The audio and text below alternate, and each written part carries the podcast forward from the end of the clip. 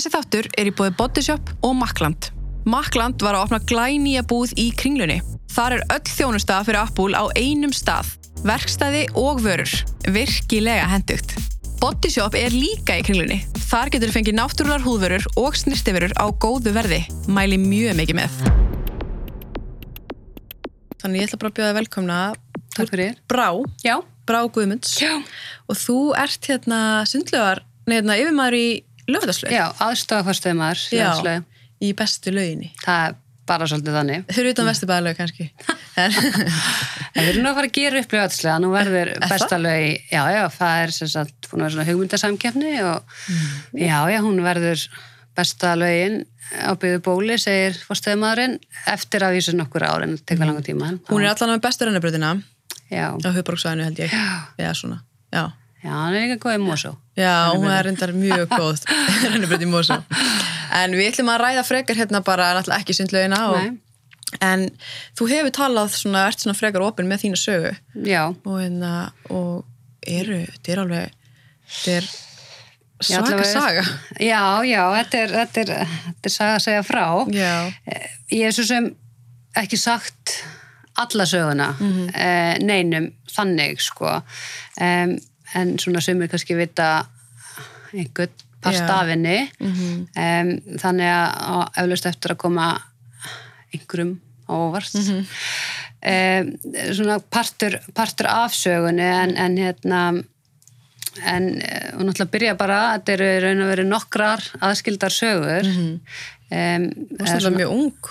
Jú, jú, ég var sagt bara krakki í litlum bæ hérna fyrir undan Reykjavík um, ég man ekki alveg hvað ég var gömul en ég var bara, ég fluttið hann þegar ég var 11 ára þannig að þetta hefur verið hérna einhvern tíma fyrir það Já, og, og fyrir veit svo- 11 ára. Ha? Fyrir 11 ára. Já, fyrir 11 ára, Já. og ég veit ekki alveg hversu lengi þetta svo sem stóð yfir að því að ég einhvern veginn læst þetta bara inni um, en þetta var sem sagt ég átti, besti vinnu mín var strákur Mhm. jakka all mér um, sagt ég á sem sagt bara bræður og e, sískinni besta vinnu mín svo voru vinnir eitthvað að bræðurum mínum. Um, þau áttu sett afa sem kom stundum í heimsó gisti hjá þeim og hann sem sagt eh, var í því að fá mig inn í herbyggi til sín. Um, þar sem hann sem sagt káða mér og fór innan klæða og, og let mér svo káða sér. Um, ég veit eins og segja ég, ég, ég vissi alveg að þetta var ekki rétt en, en ég bara vissi ekkert eh, hvað, hvernig maður bregst til svona við svona en það var þetta er náttúrulega ansi langt síðan náttúrulega 40 ár. En þetta gekk alveg með nokkur skeið og, og ég man eftir einu atvegin sem situr alveg sérstaklega í mér þá sátum við krakkarnir voru bara, ég man ekki spila við sátum á gólfinu fyrir utan herbyggi sem hann var í og hann opnaði svona hurðina og kallaði að byggja mig um að koma. Og ég vissi alveg hvað stæði til og sagði bara nei, ég vil það ekki. Og, og hérna hann alveg, jú, jú, ég bara, kondi ég ætla að sína þér. Og ég sagði nei, ég bara vil það ekki. Og hann sagði, ég skal bara, þú veist, fá einhvern annan fyrst. Og kallaði á barnabarni sitt sem fór inn og hann lokaði og og barnabarni kemur fram og segja, neða, var ekkert. Og ég var samt svona eitthvað, þú veist, vildu þetta ekki? Og þá fór einhvern annar, annar inn og og við komum til að koma fram og sagði bara að það bara sína mér eitthvað, þú veist, eitthvað ómerkilegt eða eitthvað, mann ekki hvað var. Nú er það að reyna að lokka þið inn bara. já, lokka mig inn, já, og svo á endanum fer ég inn og, og hérna því hinn er bara, þú veist, hvað er þetta þú veist, bara let undan þrýstingi, þótt að ég vissi greinlega að það væri ekki rétt og, og, og læt undan og náttúrulega gerist bara það sama. En þetta einhvern veginn svo bara glimti ég þessu. En, en, en ég var samt alltaf mjög meðvituð um Það væri Me- eitthvað rámt. Já, já, bara mjög meðvituð. Og, og hérna, Og fann þú þér leiði náttúrulega bara illa. já, mjög illa. Og ég man mér seinu sinni og ég var alveg oft sagt þetta en ég, ég bara kannski vissi ekki hvort þetta endilega tengdist. En, en eitt skipti heima þá var ég bara lítil. Og fór ég bak við, bak við sófa með hníf og ég ætlaði sko að skera mig á púls sko. En ég var þarna, fekk, gleru, komið ljósið sæðla, fekk gleru. Og ég sko held að í minningunni var það að ég ætla að drepa mig að því ég þurfti að nota kleru en, en þú veist, svona eftir að veist, gæti alveg verið að en, veist, ég bara var, leið bara ekki vel. Þannig að var ég bara lítil sko. Líka því að á þessum aldri hvort að maður viti nákvæmlega hvaða tilfinningar maður er að upplifa. nákvæmlega. Það er bara vanlíðan. Algjörlega, en ég vissi samt að þetta væri og ég var mjög meðvituð mjög ung um um kynlíf einhvern veginn sem að svona eftir að hyggja maður á ekki að vera með. Mm og hérna Sæður ekkert frá þessu á þessum aldri? nei, nei, ég kem frá þetta heimili sem að var uh, sem sagt mjög góðir svo sem foreldrar en, en, en faðminn var alkoholisti og það var svona pínu erfið æska sem við áttum þannig en, en, en frábamóðir og allt það en, en, en það var bara einhvern veginn á þessum tíma voru hlutinni bara einhvern veginn öðruvísi. Og, og hérna en ég saði nei, aldrei frá þessu en, en síðan það víkur að sögu töðu að þá sem sagt uh, er ég 14 ára nýfend og, og bara veist, stóð mér vel í, í skóla og var í hestum og bara svona saklaus eins og 14 ára börn eru. Það hafði aldrei verið með veist, átt kærasta eða, eða kist strák eða, eða neitt og, og en sem kemur aðna áramótunum og það týðkast þá í Mosó að allir hittust upp í sjoppu. Þannig að ég fer og drekki fyrsta skipti. 14, ha, þú ert 14 ára. já. Sem sagt, já, já áramótunum ég er 14 ára og enda svo í partí í göttunum minni hjá fólki sem ég þekkti svo sem alveg. Og er sem sagt nauka þar af aðila sem ég þekkti ekki fyrir en, en ég vissi svo sem hver hann var. Og, og hérna, ég segi frá bara daginn eftir, segi þess að vinkonum minni frá. Og segi svo bara frá segi mm. fóruldri minni frá og Varstu, varstu hérna, eða þú þekktir ekki gerandan á Nei, þeim en ég vissi tíma? hver hann var. Já, Ég hafði aldrei hitt hann að tala við hann en ég bara vissi hver hann var. og Eh, voru, þú varst undir áhrifum. Já, já, já, já, já. fyrsta skipti. Já, ég var undir áhrifum, en ég man að því ég man bara Já. andlitið á hann með andlitið á mér, ég man hvað hann sagði og, og ég man það og þetta var bara grift í, í hérna í hausun á mér og, og ég sagði frá, ég man ekki út ég sagði frá, ég sagði vinkonum minni strax daginn eftir en ég sagði ekki fóruldrum mínum alveg strax. En bara með því sem tíminn leið frá og vanlíðan mín var bara var svona einhvern veginn sínileg og þá kom þetta sem hafi komið fyrir þegar ég var lítil. Það kom líka upp á yfirborði Þú saði frá því í kjölfarið. já, já, já, Já. ég sagði frá já, og hérna þannig að bara mér leiði rosalega illa og, og, og svo sem eins og ég segi, fóruldra mínar er náttúrulega af því að ég er kannski eldri í kantinum. Eða þú veist, ég er ekki eldri í kantinum alls ekki, en, Nei, já, ég en ég er, er ég er sagt 45 ára, þannig að þetta er alveg langt síðan, þetta eru 30, rúm 30 ár síðan. Tíðarandin var náttúrulega öðruvísi og allt öðruvísi og, og bara eins og mamma mín var náttúrulega alveg upp þannig að maður talar ekki um neitt og að því hún lærið það með mömmu sinni og kolla kolli þannig að, að þetta var bara rosalega erfitt. Þau vissi ekkert hvað þau áttu að gera og úr var það það sem að pappi þessa einstaklings var sem sagt eigandi af fyrirtæki sem pappi minn vann hjá. Að, að svona þau áttu smá pening og, eða áttu pening voru svona efnuð og, og svona vissir flest allir hverju voru. Þá fengu þau sér að foreldra mína og mig á fund heim til þeirra mm. Og ég var 14 ára svona á reynu, hann hefur verið 1920 þar sem ég var sett sér inn í herbergi með honum Mm. þar sem við áttum að leysa málin Mm og meðan foreldra mínir og hans sátu frammi -hmm. það var náttúrulega hræðilegt Já, og ég bara einmitt. hugsa til þessi dag veist, einhver setur 14 ára barni sitt í þessa aðstæð það er bara, bara skelfilegt sko, mm. mér finnst það bara hræðilegt Hann vissi alveg að því svo hugsa maður um, ný, hérna bara svona ásetningurinn var bara þannig að hann vissi nákvæmlega hvað hann var að gera. algjörlega. Og hann var sem sagt að reyna að sannfæra mig um það að ég væri að rugglast á honum og einhverjum öðrum.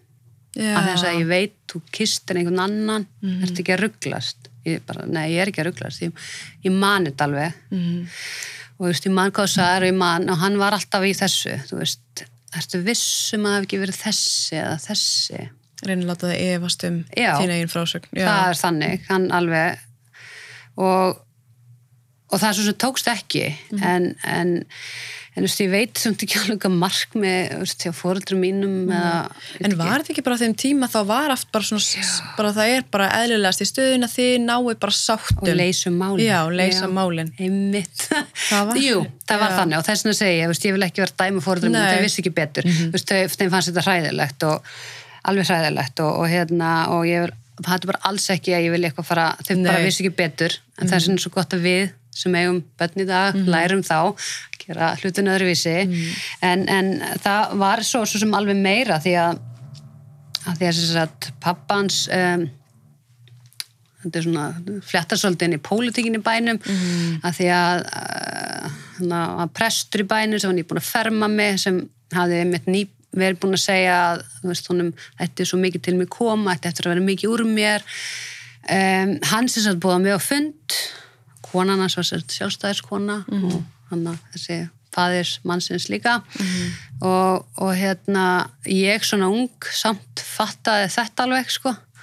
Ég fer og hittu prestin tek bróðið minn með sem betur fer því að veist, hvað, ég, bara eftir að hyggja skil ég ekki alveg og ég sem sagt fer í safnaðarheimili og skrifstofun hans og, og það reynir hann að koma því inn hjá mér að ég segi gera þetta til þess að fá penning af því þau séu rík, við ekki eða veist, við vorum ekki fátæk en við nei. vorum ekki rík að ég segi að þessu út af því Og var það, var það einhver krafa sem þú gerðir einhvern tíma? aldrei, Nei. nei, mér myndi ekki eins og þetta í hug Nei.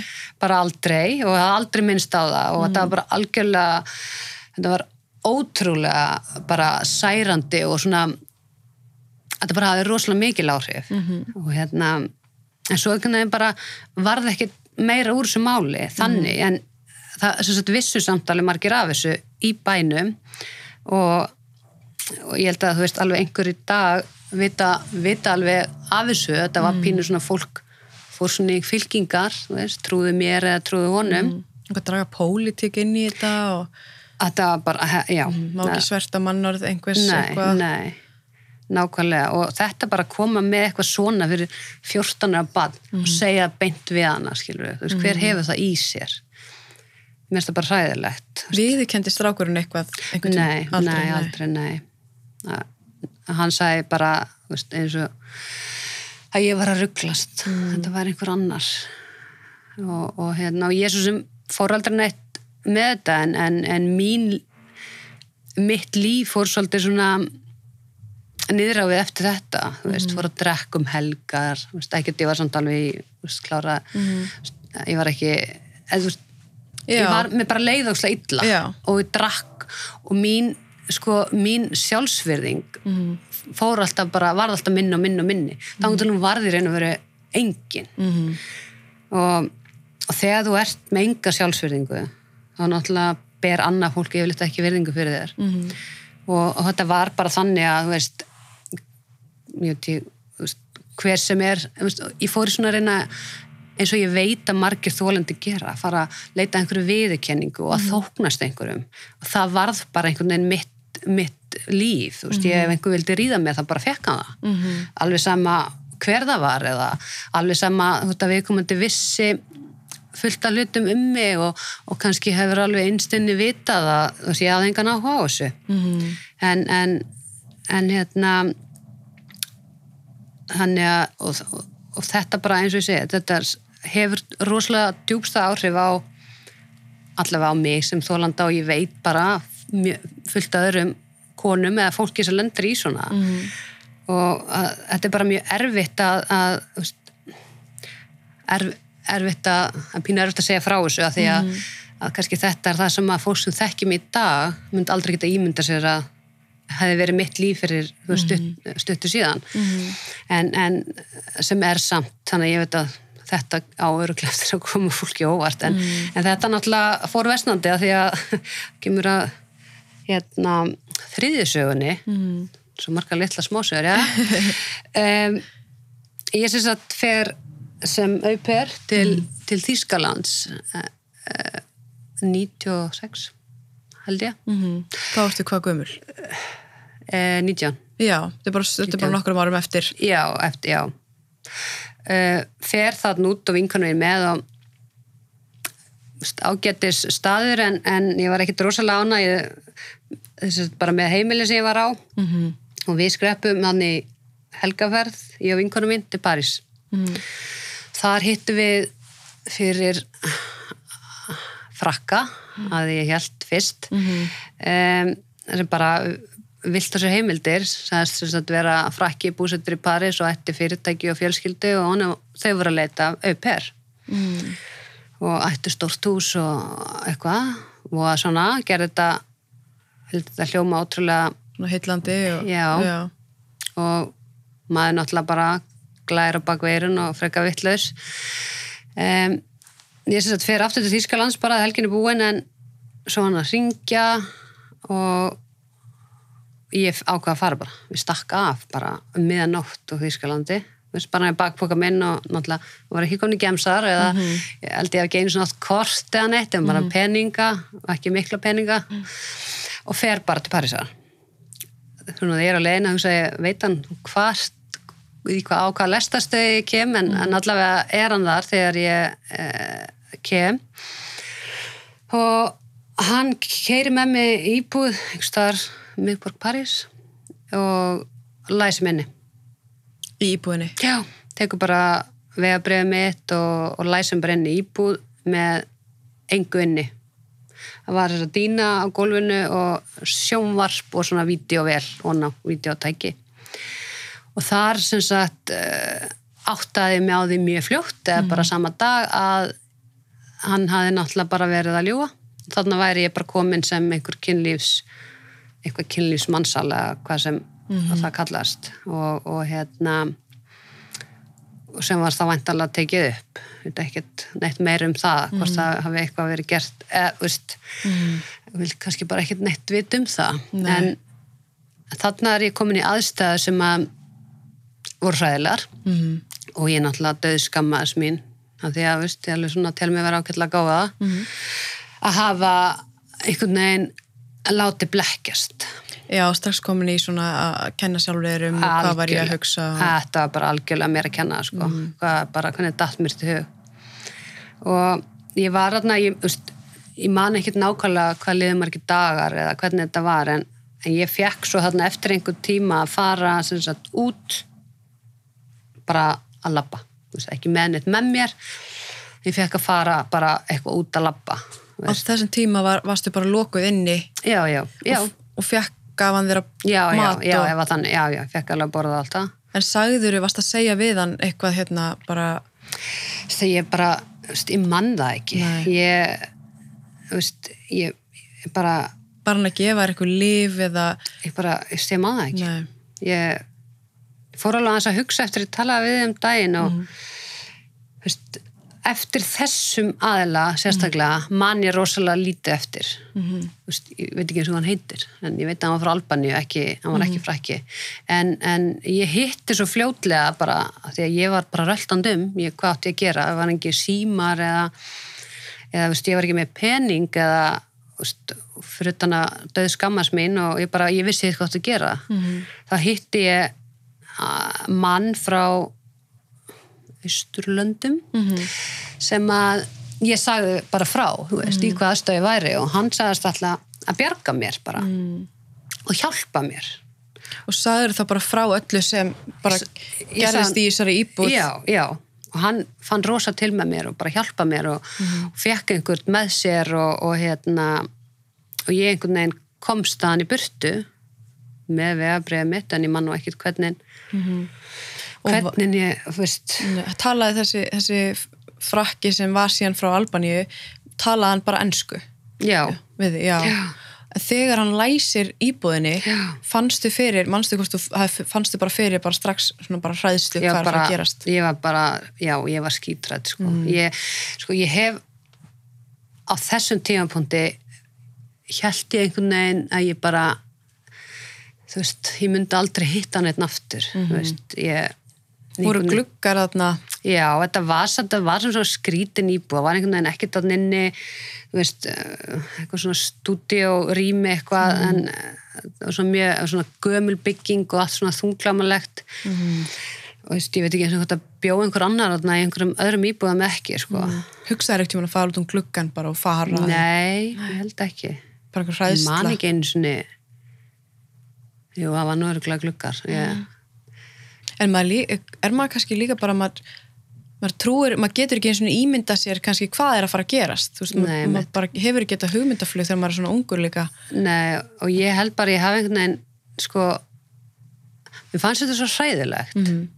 að ég einhvern veginn, það er eins og ég hafi, þó svo ég hafi farið svolítið úr öskun í eldun þegar að mér var bjargað, að þá, það var bara eins og ég einhvern veginn, að því að þegar að ég fór, þá, að því að hann var með símanúmer þarna sem ég var í Þýskalandi, þá fór hann að ringja stöðugt þangað og í vinkonu mína sem var líka upp her og segja að ég hafi sko ræntan og mm. vinkonu mín er að segja hvar ég væri að því ég hafi rænt öllu og hann var búin að fara til lögreglunar og það var verið að leita mér og, og hérna veist, þetta var þetta var einhvern veginn mm veist, og ég, en, en þessi hanna hinn, hann mm hétt Hassan hann já bara, veist hefur einhvern veginn ég man, ég man ekki eins og hvernig hann hjálpaði mér þaðan út, veist. Hvar hittur hann? bara, á, bara út í einhverjum garði í París. Mhm.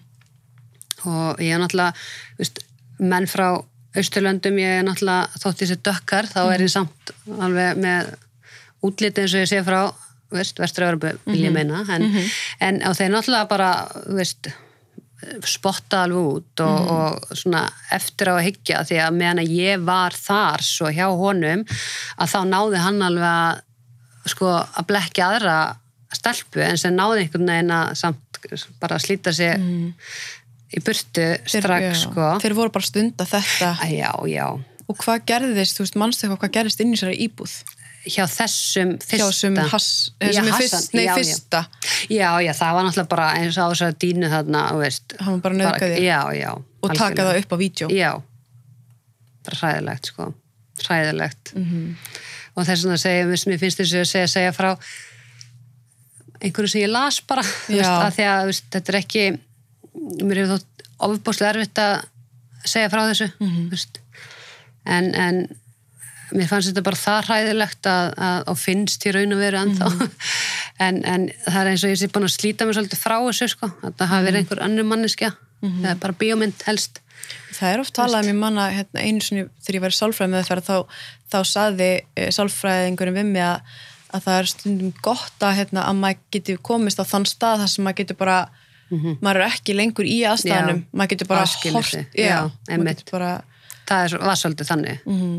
Og er svolítið ennþá þannig að því að ég náttúrulega vil ekki að þetta hafi komið fyrir og mér finnst það hræðilegt en en, en hérna en þessi Hassan, sko, hann var þeir voru nokkrir hann.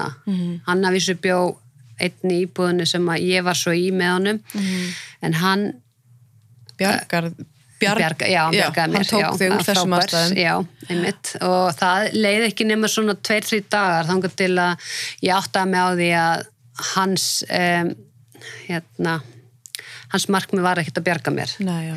heldur bara hann sem sagt, uh, hann var einhver hann veitingahús eigandi sem var líka eh, frá einhverju Östurlandi hann var sem sagt bara í að finna viðhöld eða ég veit ekki kynlífsþræla eða whatever fyrir, fyrir þennan vinsinn eða hann, hann heit Alex. Og sá átti aðra íbúð sem að var farið með mig í þegar að hann þurfti að stríða. Mm. svo átti hann bara konu og börn og, og ég að hitti þau að því að hann átti hann að veitingastað sem að ég fekk stundum þegar vantaði, fekk að vinna í hérna við að búti kaffi. Þannig að- en, Þess, en ég þurfti að líka að sofa í Hassan af því að einhver, einhvern veginn þurfti ég að borga fyrir það þegar ég var að gista hjá honum eða veist búa hjá honum Já, og, já, og hann kefti mat og, og svo var alveg veist, eins og var, fekk ég þvagfara sýkingu Mhm. gerist svona þegar maður stundar mikið kynlíf Mhm. og, og, og vissi ekki að maður væri gott að pissa á eftir en, en fekk það að fara sér ekki og það kemur svo sett læknir sem er, ég veit eitthvað hann var læknir ekki en hann er líka þá í þessu, sömu grúpu og eða svona austan frá Östurlandi einhverju. Og hann sem sagt gefið mér einhver lif og svo þurfti ég sem sagt að tottan til þess að borga fyrir. Og meðan að hinn, þú veist, voru bara þetta pínlítið líbúin allir miðborg París. Og svona var þetta var þetta. Og ég skammaðist mér náttúrulega meir en allt í heiminum sko. Mm. Og fannst þetta pínu bara á vissu tíma sko einu tímapunkti hugsaði ég bara, þetta er kannski bara hlutskipti mitt, að því eitt skipti kom einhver vinnu þeirra frá ég held að það var frá Egisalandi, í maðursandingi sem var bara í heimsókn og þeir voru svolítið að fara með hann kenn út á flugöll, ég fekk að fara með þeir voru svona sendibíl, þú veist, fullt af arabum. Mhm. og þá kom ég ljósa hann hefði sett komið til París að reyna að finna þessu konu og ég sagði bara, ég skal Mhm. að því mér fannst tilhugsunin mér fannst þess að ég er bara föst í París. Þannig að ég meir segja ákvað að spá í því að flytja að fara og giftast einhverjum araba til þess að sleppa úr þessu sem ég sem betur ver varði ekkert úr. Sað, hvað var, voru þeir bara nei? Með að, að þú skildi bjóða þig fram nei, ég, veist, ég man það ekki alveg. Ég, hérna eða hvort að, veist, hana, ég, ég bara, ég man það ekki. Ég bara man, ég saði þetta hvort einhver ekki tekið að alvöru eða ekki, sko. En það kom alveg svona smá en síðan bara var, veist, þetta var komið út á flugvöll og En var, voru fleiri stelpur vissur af? Nei, sko, það var ein hún kom ekki inn á heimilið heimilið íbúðana í nokkra nætur, sko. Amerísk stelpa sem var skiptinemi og hafði eitthvað hætt í námi og, og hérna var bara eitthvað svona að reyna að finna sig og kom þarna í nokkra daga. Mm en svo bara fann hún, þú veist, sér eitthvað annað einhverja, þú veist, bakbóka ferðalanga frá Ameríku og slóst í ferð með þeim og fór bara. Já, þú veist, hún var bara svona ákveðin hérna mikið sjálfströst og þú veist, bara þetta gerði hann ekkert á meðan, skilur mm, og þú áttir að vera þú bjóst í þessari íbúð hjá sem Hassan. Já, og það sem hann í rauninni bara seldi þig út. Já, já, já, algjörlega. Bara þegar, þegar vinnum hans vantaði og þegar honum vantaði og og, svo var alltaf einhver svona ástæður veist, af hverju, skilur veist, eins og með læknin veist, hann let maður lif. Og veist, þarna var eitthvað annað hún borga fyrir þetta. Mm, og hérna og þau voru einhvern veginn bara ótrúlega góðir að sannfæra mann um eitthvað sem í dag ég myndi aldrei hlusta á veist, en eins og þessi mín sjálfsfyrning var náttúrulega bara engin. Mm, og ég er 19 ára og skammaðis mér náttúrulega meir en allt sko.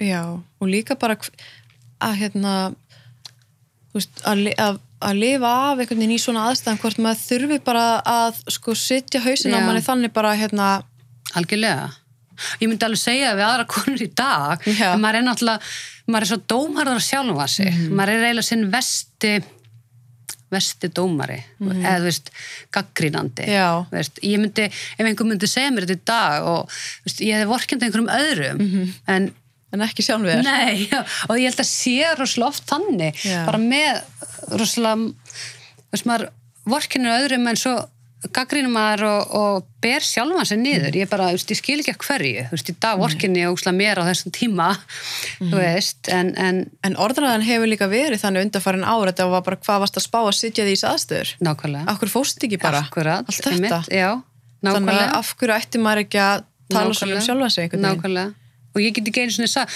af hverju, þú veist kannski hefði ég getað farið, ég veit það ekki ég er náttúrulega, veist, engi gemsar og ekkert internet og, hvert áttur að fara? Ég veit það ekki. bara, hvað hefði gerst hefði maður reynd að fara? og fyrir utan það að þessi fyrri var náttúrulega búin að segja vinkonu minni að, að hérna að það löggan var að leita mér Mhm. að því að það var rænt einhverju rænt úr þessari íbúð sem var ekkert inni hann lög náttúrulega bara Mhm. og ég var náttúrulega bara líka pínu hrætt ég í þeirra landi eða þú veist, ekki í mínu landi.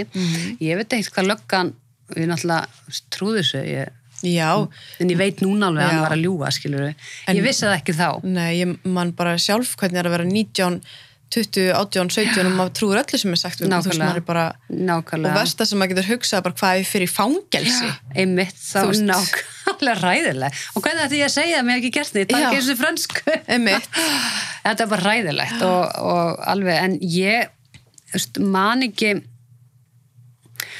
veist, ég man ekki einu sinni sko, veist, ég veit hvernig ég fór það á þann en ég man ekki, sko, að því að ég gat ekki veist, ég man ég hef örgulega ringt úr tíkallasíma eða sendt postkort til, heim til mömmu. Ég man ekki hvort en ég sagði henni samt ekkert slæmt. Ég sagði henni bara að þetta var æðislegt að þetta var geggja gaman og mér liði óksla vel en þess vegna skil ég ekki alveg akkur hún hefur, hún allavega fattaði eitthvað og byði sem sagt strák sem ég þekkti inn á Íslandi og hún þekkti um að fara út og að, bjarg, að ná í mig. Sem að hann gerir svo. Segir hann þið bara að hitta sig einhver stað Já, já, við hittum bara kaffehúsi svo kemur hann með mér heim sagt heim, þú veist, í íbúðina.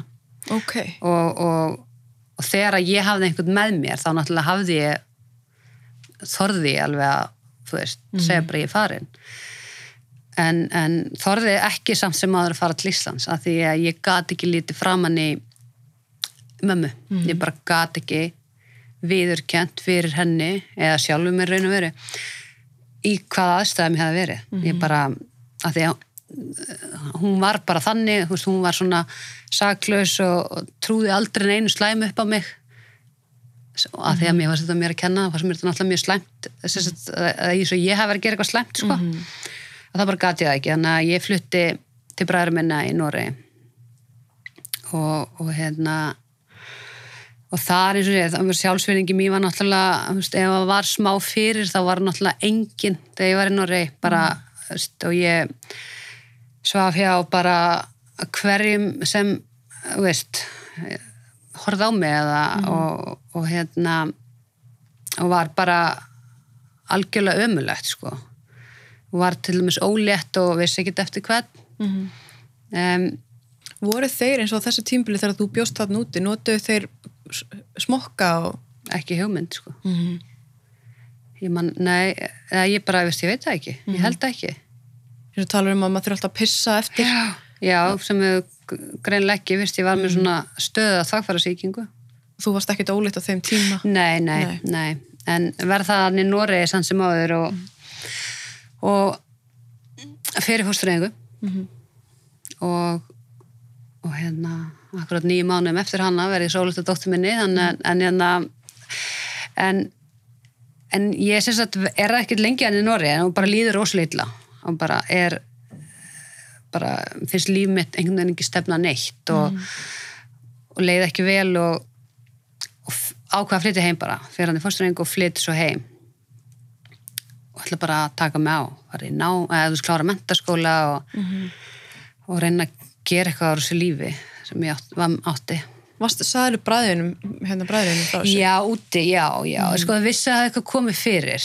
Um, þess að þeir sem bjöggi í þess að það voru tveir afbræður minnum um, þeir vissu að eitthvað komið fyrir. Og ég örugla, ég vingla sem ég örugla sagt þeim að því að dóttir annars þeirra, ég var hún býr í Mosó.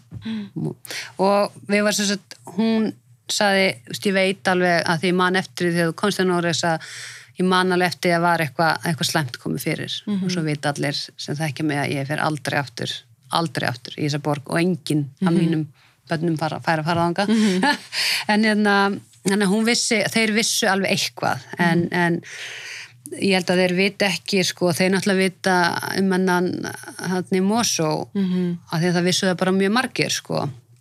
En enginn að þeim kannski veit, veit allt og, og enginn hefur einu verið af neinum nema þá manninu mínum í dag og einni ein vinkonu mín sem vissu allt sem að ég er að segja núna sko Og þessi í Mosó, hann, er, hann býr ennþá bara, Já, já. bara já.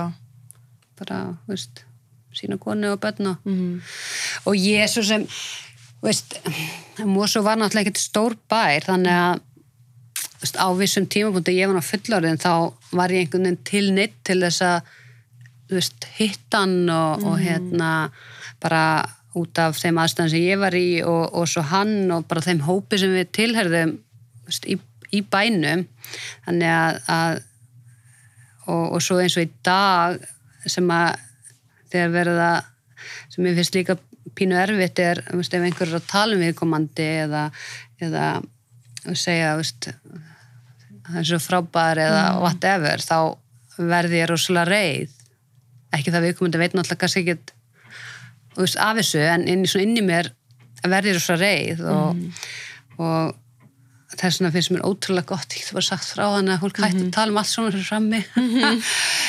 Nei, alls ekki en, en veist, þetta er En maður spyr sér líka á þess að fóreldrar sem sökuðu um að hérna, vera, þú veist, taka pening, að Mhm, vilja pening, að hérna, að því þetta fólk var, var fullorðið og einhvern veginn, hvort að þau hafa einhvern tíman í dag hugsað tilbaka Mhm. eða byggðið afsökunar eða eitthvað, hefur En- það einhvern tíman, nei. aldrei sko Það er líka mjög svona, mjög sérstakt Mhm. já, að því ma maður sko, ef maður reynir að setja í sammengi við eitthvað tíðaranda og Mhm. orður á hann var svolítið þannig, það er alltaf aðtiklisjúkar að leita eftir pening Já, og eitthvað svona. Fyrir 30 árum. 14 ára, já, mér finnst Það það er alltaf líklega svona afsökun einhver og hérna en, en í dag að hugsa ekki tilbaka og segja bara, herrðu, nákvæmlega, kannski gera það núna. Mm, kannski. Mögulega, af því að þú svo já, algjörlega, ég, ég, ég veit ekki, mér, mm. mér finnst bara eins og markmið mitt Mhm. við að koma kannski og segja frá. Og náttúrulega bæða það er rosalega gott að mér pínu eins og þess að vera að skera eitthvað í burtu. Mm. -hmm. veist, ég sagði, dóttur mína þegar ég fór út á þann, þú veist, sjáumst þegar ég er búin að losa mig við að losa mig við þetta. En, en, en, en líka bara mér finnst erfitt þegar að einmitt, þessi orðra er alveg ennþá til staðar. Maður situr alveg og veist, innan er fólk sem að, sem að talar talar þetta nýður að konu sé að segja frá. Talar nýður og, s- og stöðut að segja veist, allir, veist, þessi er saklaus þannig að sekti svona mér finnst það bara ekki veist, ég sem þólandi er minn gerandi segur bara alveg sama hvað. Og þegar það verða stöðut verða þú veist, st- að hamra á þessu. Veist, ok, gagvart lögunum er sjálfsög viðkomandi saklaus en hann er það samt ekki og hann veit það alveg sjálfur. Eða hann eða hún bara eftir Já, mínu tilfiki Er það hann? er það hann eða Já. þeir. En hérna en þetta er bara, við þurfum svolítið að aðeins að fara að hugsa um orðræðina alveg bara eins og ég lendi núna aðdraðanda þessu viðtali þegar að, að hérna við vorum að tala um þetta að vera segur að, að þá átti ég sér í samræðan við, við einn. Og hann var, við byrjum bara, það var bara góða nótum en það hefur ekkert verið á neinum ég er ekkert að álasa neitt fyrir eitt eða neitt en, en í þess að samræðum sem ég á en mm -hmm. að segja þetta viðkomandi, það er allir saglausir en svo þegar ég segi ok, mér var nauka 14 ára, er þá gerandin minn sagl, nei, seg, saglaus þá bara fatta, nei, já, veist, viðkomandi á kannski dóttir Mm. þú veist, myndir þú segja þetta við dóttirina? Já, nei, en hann er samt saglaus þangar til við sönnum að hann er segur þú veist, þú segir þetta ekki við, við badnið þitt ef hann segir mér er nauka ég, eins og hjá mér að, ef að dóttir mín myndi segja mér sem að því miður hún hefur gert að sér hefur nauka, þú veist, ég myndi aldrei segja neitt nema ég trúi þér og, og fyrir mér er viðkomandi segur og mér langar náttúrulega mest að fara og berja viðkomandi aðila en en hérna virka vist ekki þannig. En, en, en hún upplifir svolítið sam og ég og, og þú veist, ég segi, akkur segir ekki frá? Af því að ég skammast mín mm veist, mér fannst bara ég skammast mér fyrir að ég leta að koma fyrir. Þú lest ekki að koma fyrir. En, en, en hún sagði, akkur varst þú ekki búin að segja mér? Mitt, ég er að fara að gera það. En, en ég vil bara við einhvern veginn þessi þöggun, hún er að æra mig. Ég bara, ef að ég, ég hef alltaf leifið til að segja fyrir öllu. Ég hef leifið til að segja frá öllu því sem kemur fyrir mig. Það er eftir að nefna henni nöfn. En ég hlýta að hafa leifi og ef einhver er að útrópa mig aðtekla sjúka fyrir það þá held ég að segja meir um þann sem segir það heldur en, heldur en mig. Og 100% mig langar og líka bara með margar konur, ég segi konu að það er oftast konur sem hafa lent í þessu og, og fyrir mig þegar ég flytti þarna heim þá að vera tvítu Mhm. um enga sjálfsfyrðingu og næstu tíu árin voru bara þannig ég hafði enga sjálfsfyrðingu, allir sem þetta bara helt áfram, sama ferlið veist, mér var byrla og mér var nauka sem að ég svona lamaðist og gæti ekki hreift með að tala en ég man eftir öllu. Veist, Á Íslandi? á Íslandi, já. Og, og hérna eitt sem ég held að veri kærasta minn, veist, náði í vinsinn og veist, alls konar svona. Og þetta bara held áfram og, og bara fullt af rosalega slæmu sem kom fyrir. En í hvert einasta skipti þá hugsaði ég, þú veist þetta er mér að kenna, ég kom mér í þetta. Akkur fór ég að hitta einhvern á deitin í bæ og þú veist, fæ mér eitt bjór og svo heim með honum? Hvernig dettur mér það hug? Skilur, er nokk, ætti að vera nokkuð basic og í lægi en, en og, og svo skammast maður sín og skammast sín meira og meira og meira. Það er líka bara samfélagi sem er búið að vera að fýta mann af þessu, bara mata þetta ofan mann. veit það. Bara, og maður hefur séð þess að, þú veist, ekki einhverja svona reglu til þess að passa að maður verði ekki fyrir ofbeldi, veist, Nákvæmlega. passa því að drekka ekki á mikið og lokaði fyrir drikkin og ekki nei. sofa hjá fyrsta stefnumóti. ekki verið stuttu pilsi eða klætt svona hins eginn og svo, einmitt, og svo líka burt sér frá því, þú veist, hvort að maður sé með látt sjálfsáleiti eða eða, en, en það er samt á ekki, það skiptir ekki henni máli, Nei. en það er eins og þeir finn, það er þannig, finna það, það, það er þannig. Það er mín upplifun frá A til Ö það var bara eins og og ég held að sé alveg þannig. Ef, að, ef maður er svona þá finna, þá finna það alveg. Og og, nýta og þeir sér. vita alveg hvað þeir eru að gera. Já, og nýta já. sér það. Og það er þannig. Og ég segi, þú veist ofbeldi er aldrei þólandanum að kenna, það er alveg sama hver, hvað hver segir, þú veist, einmitt, drekk ekki á mikið ekki vera drekkon í, í hérna, fjörfisk.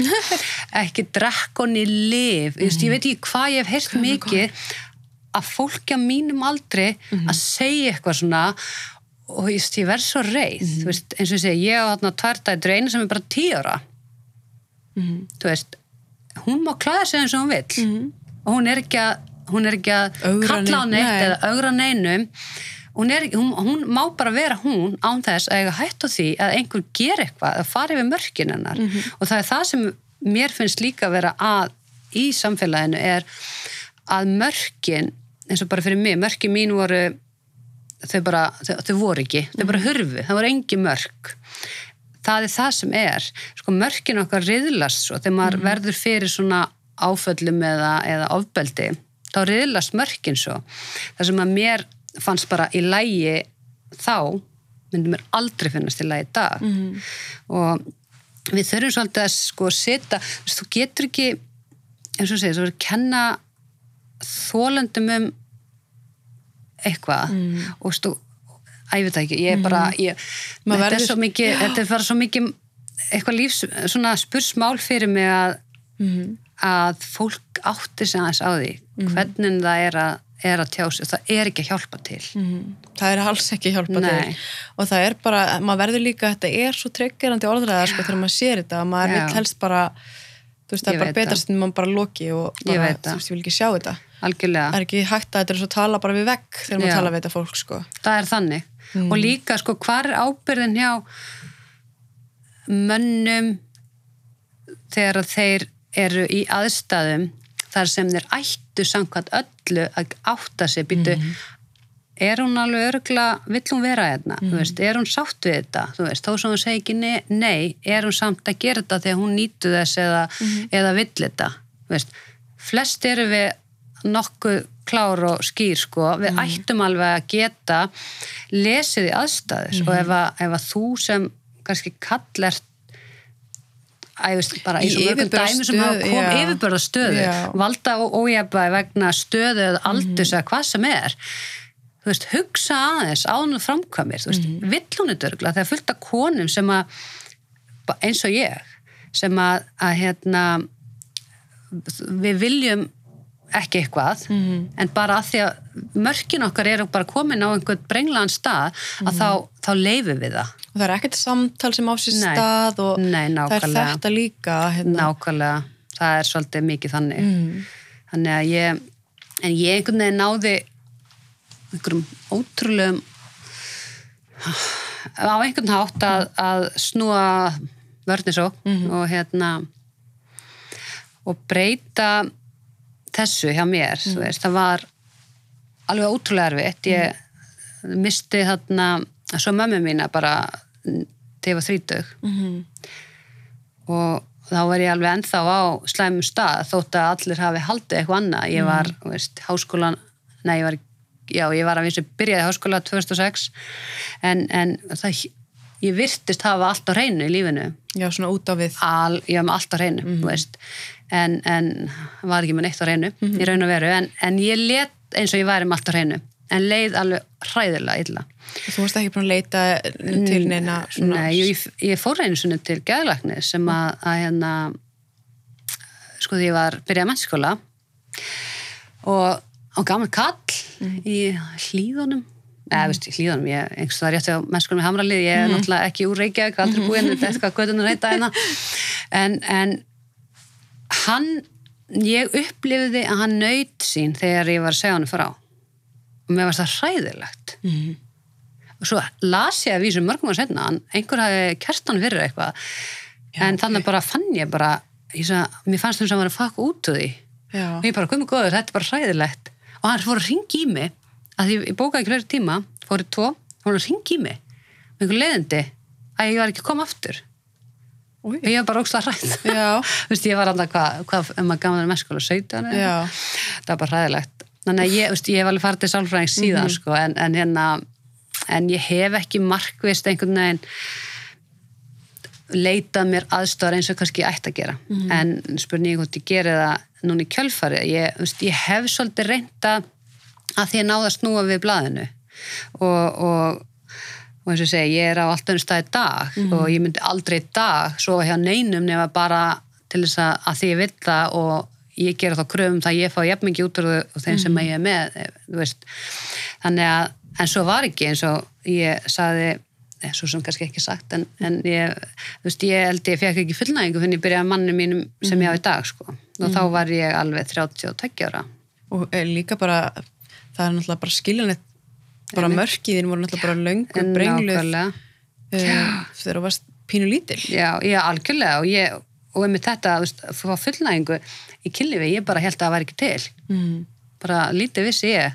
En, hérna, en, en með því að ná að einhvern veginn að snúi svo svona við og þú veist, ég kláraði þú veist, hann einhverja háskólagráður og, og fór í námi segja, fór, tók námi í enga háskóli Ástralíu líka.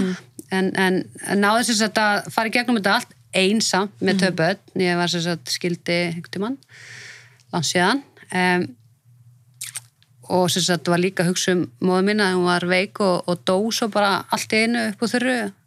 Eða ekki upp úr þurru, hún var veik Var en, veik, já, en en brjóstakrabba skyndilega. megin var ekki eitthvað sem að maður hefði Nei, haldið að en já, hún dóa mjög stuttum tíma sko. Mhm. og ég var sem sagt þarna að hugsa um hana og, og hún og einhvern veginn eftir að hún dó þá að því að hún, var, hún elskaði lífið Mhm. það var slífaðislega, hún var rosalega lífsglöð og veist, hún drakk ekki og reykti ekki var svona helbrið svona svolítið veist, alltaf úti í garði Mhm. og lapp úti með hundana og, svona og mér fannst einhvern veginn ég þurfa að fagna lífinu eins og hún gerði þegar hún dó og ég einhvern veginn sneri bara allir við og ég bara ætlaði mér að snúa baki við þessu öllu.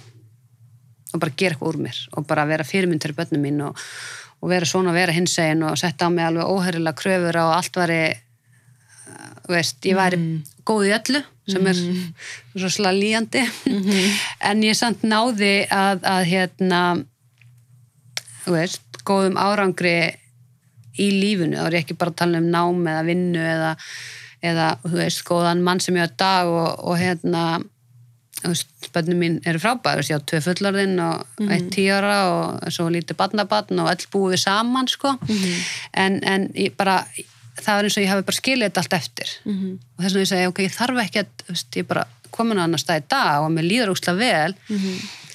En mér leiði samt ekki nógu vel að því að í allar þessar umræðu senustu, ég ekki hvað eitt, tvö ár að þá langar mér svo ofta að einhvern veginn leggja mitt að mörgum svo ég get hjálpa til þess að reyna þess að reyna að laga þetta.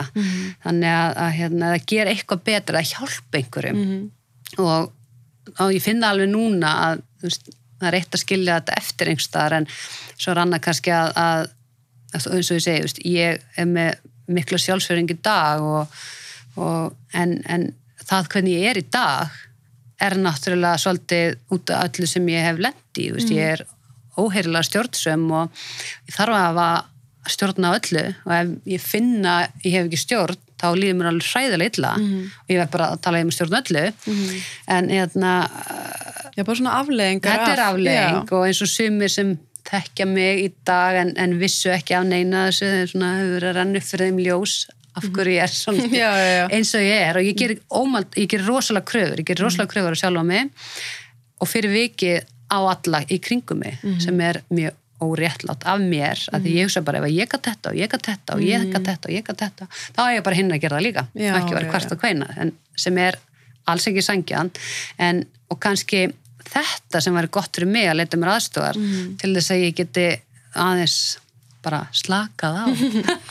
Ég meina, er þetta ekki líka bara endalus vinna, bara sjálfsvinna og maður, Jú. þú veist, algjörlega. En eins og þú segir að það er náttúrulega alveg útskýring og gott að vera meðvitaður um það, Já. þú veist, af hverju er ég svona eða af Nákvæmlega. hverju Algjörlega. hérna, geta Það- það. það er þannig og ég held að það einmitt eigi eftir að hjálpa bæði mér og fólki í kringum sem þarf að umgangast mig að sjá þú veist, alveg bara ok þú veist, það eru skýringar, hún er ekki bara svona og, og það er líka allast upp í svona alkoholista ofbeldis veist, æska mér var þannig sko. það er líka partraði hvernig ég er í dag þessi, þessi stjórn sem er að hafa alla hlut á hreinu og þannig ég segi, þú veist, það er ekki það er ekki eitt sem út af mig, það er alveg fullt af atriðum sem að og það er það sem oft sko sem að svona þólendur sem einmitt eiga á baki alls konar áföll eða ofbeldi eða svona kom úr erfi, erfið aðstæðum svona í uppeldinu við erum oft veikari fyrir. Og, hérna, og þess vegna verðum við oft fyrir kannski svona ítrekkuðu mm. að því að við erum bara einhvern veginn við bara mörkin og allt er einhvern veginn á allt annur stað. Og eins og sagði áðan, þú veist, svona ofbeldis menn líka finna það oft á sér, þú veist, eitthvað sem er Já, og, algjörlega. og svo bara er það, þú veist, maður getur verið hvernig sem er, þetta getur komið fyrir alla hvernig stóðum maður sé, svo er, heyrir maður líka sko fólk sem bara finnst einhvern veginn eins og upplifað að hafa allt á hreinu, bara fullur á sjálfsöryggi og bara, þú veist, Mhm. segir bara, setur bara fótið niður, rólegt en samt Já, lendir fyrir ofbeldi, verður Mhm. Já. fyrir ofbeldi að þá einhvern veginn fer maður líka bara hvernig þú gat þetta komið fyrir mig Já, akkurat bara ég hef alltaf verið svo sem seg, þú veist það bara Já. Algjörlega, það er algjörlega þannig, sko. Mhm. En, en eins og ég segi fyrir mig, ég vildi ekki endilega, veist, allt sem, veist, það er ekki þannig allir sem ég sofi hafa nauðga mér. Nei, Það nei, nei, nei, nei. En það er bara, að því að mörki mín voru bara ekki á góðum stað Mhm. og, og veist, þótt að ég kannski hafði upplifað þetta þá allt öðruvísi heldur en sem viðkomandi þannig að það, það- er líka já. svo slæmt sko, veist, það er líka mér sko svo góð umræð eins og sumt er, su, þú veist það er annað bara ofbeldi og nöðguna ásetningi sem Já, bara þú einmitt. varst fyrir já, og, og svo þegar þú talar um með svona, þú veist þegar maður er sjálfur með líka bara mörkin hjá manni, Já. það er bara búið að móta mann líka, að einstaklingar geta farið yfir mörk ánda þess að gera sér grein fyrir algjörlega. en maður getur samt upplifað eins og að sé bara, mér var nöðgað já, einmitt, eins og maðurinn minn sagði morgun, hann sagði bara þegar ég, að því að þetta fengi fólk svolítið til að mikið þess að hugsa Mhm. hann sagði, bara ef ég hugsa aftur í tíma að ég var ungur. Þá finnst mér sko kallar er eitthvað svo Mhm. þú veist, þeir einhvern veginn hætta ekkert fyrir en að Mhm. kona sagði bara, já ok en það var líka bara svolítið er og þú varst svolítið sko aumingi að þú gast ekki klárað dæmið eða svafst ekki hjá henni, hvað, vildi hún ekki sofa hjá þér? Af hverju já, strákar líka undir einhver svona pressu þar að suða einmitt stelpan upplifir þá bara, bara ég gerði eitthvað sem ég vildi ekki Já, nákvæmlega. Algjörlega og það er mitt þetta. Mhm. Þarna skiptir máli að eiga samtal, skilur við. skulum bara sitta hér og ræða málinn, hvað Mhm. ætlum við að gera. En, en það er þessi, þessi ítni og, og Mhm. þetta, þessi pressa og þetta suð sem að vonandi er ekki lengur en ég held samt að það sé kannski Já, en þessu þurfum um- við bara að breyta Já. fyrir kynnslóðuna sem er að skólakerfi þannig að líka Já. bræðast þarna, veist, koma þessu fræðslu og öllu í, í gang sem tekur heila eilífð Já, algjörlega og líka bara eins og bara skólakerfi er hérna það er ekki langt síðan að skólakerfi, ég vona þessi hægt en það er ekki langt síðan að, að það var sko verið að, að klæða stelpur og, og skamma þær fyrir að mæta í, þú veist, hlýraból mm -hmm. þú veist, ég menna, dóttir mín var látin fara í einhvern ból eða peysu að því hún var í hlýraból Mm -hmm.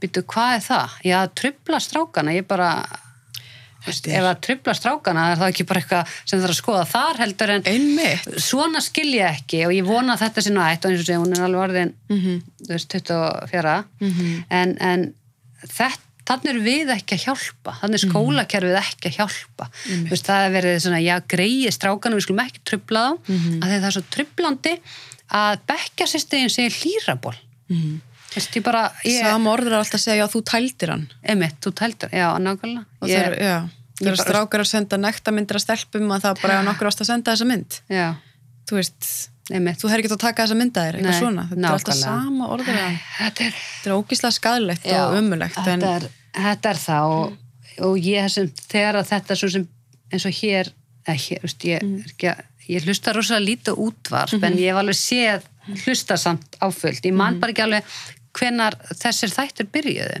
það var bara í fyrra. Það var í fyrra, ok, en ég man þegar þeir byrjuðu. Og þess vegna fór ég að hlusta því að það var náttúrulega rosalega umræða.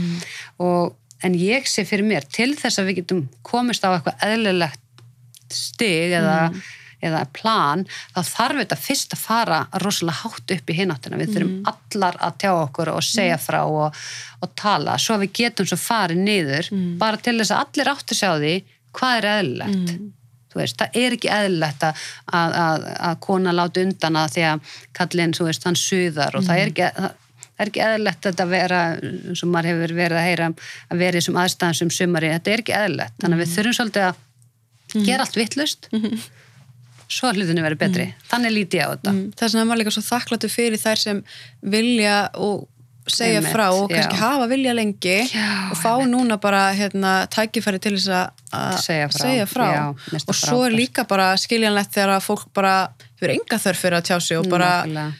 það snýst bara um að, hérna, ná Algjörlega. bata og Já, algjörlega.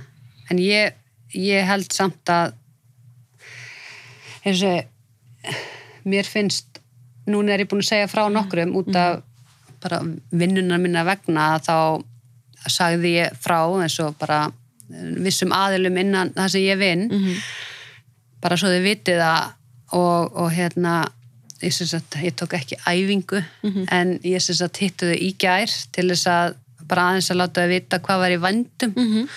og sagði þau smá frá og mér leið strax betur. Bara þetta eru hluti sem ég hef ekki þau eru að tala um mína hérna, sjálfsveining og annað þetta eru hluti sem ég aldrei satt upp átt Mhm.